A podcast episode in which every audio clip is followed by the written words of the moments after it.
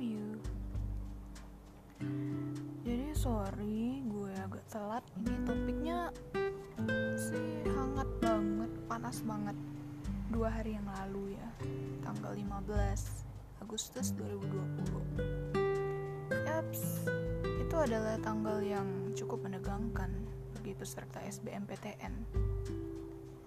Deg-degan banget nunggu pengumuman.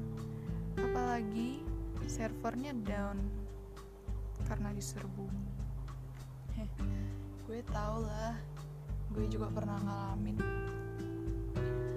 Banyak reaksi, ada yang sedih, girang jingkrak jingkrak, nangis kejer-kejer, ada juga yang update status WA, sakit tidak berdarah. Duh, gimana tuh? Ya, gue ucapin selamat bagi yang lolos. Semangat ya, jadi maba. Cie, jadi maba. Dan untuk yang gagal, seperti kata LTMPT-nya tadi, jangan putus asa dan tetap semangat. Itu betul, memang betul kata LTMPT-nya. Jangan karena gagal di SBMPTN kamu down itu bukan akhir dari segalanya. Bukan belum rezeki aja. Bisa dicoba tahun depan lagi kok. Atau kamu nggak nggak usah kuliah. Malah buka bisnis gitu. Siapa tahu kamu duluan sukses kan daripada teman-teman kamu yang kuliah. Anjay keren banget pasti gagal. Kamu gagal itu bukan berarti kamu bodoh, bukan berarti kamu gak mampu ngerjakan soal-soal. Mungkin selama lagi sejak kamu lulus SMA kamu udah belajar mati-matian untuk UTBK. Tapi mungkin belum memperkenankan. Tuhan mempersiapkan jalan yang lebih baik untuk kamu. Jadi stay positif aja. Gue juga kok pernah gagal di SBMPTN. Bukan SBMPTN aja. Udah gagal olimpiade, masuk nasional pernah gagal di SNMPTN pernah gagal SBMPTN pernah.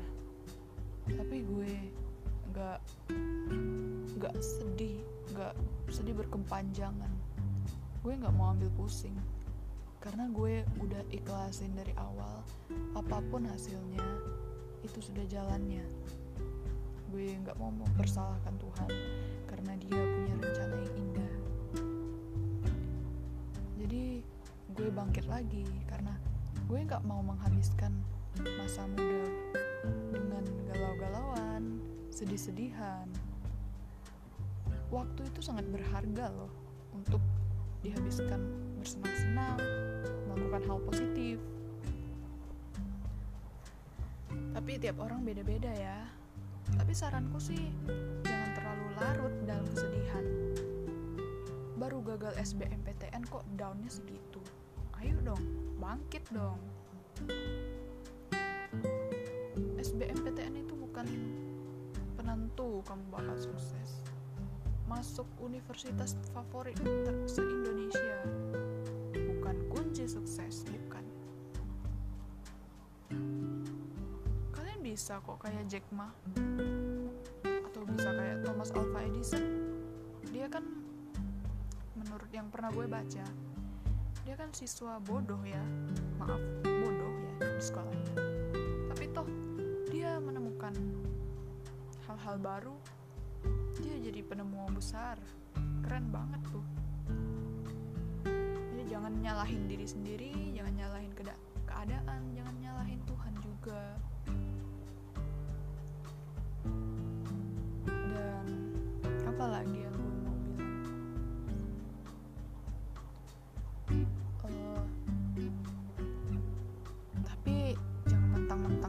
gagal kalian langsung nggak mau.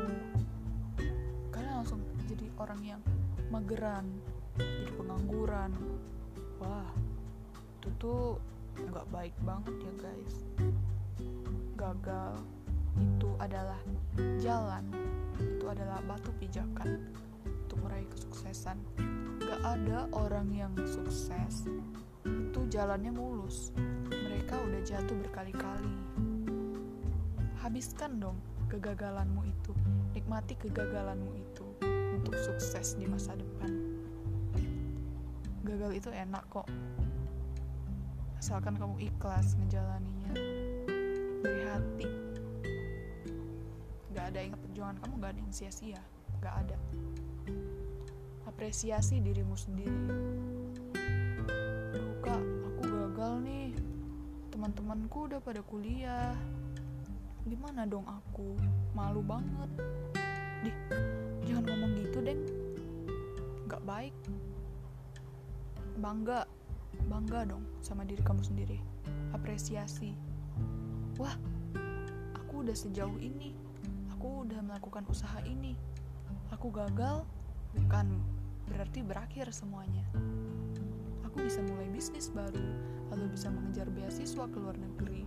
Wih kalau kamu beneran keluar kuliah di luar negeri keren banget tuh. Gue juga pengen kok kuliah di luar negeri. Cari pengalaman baru gitu loh.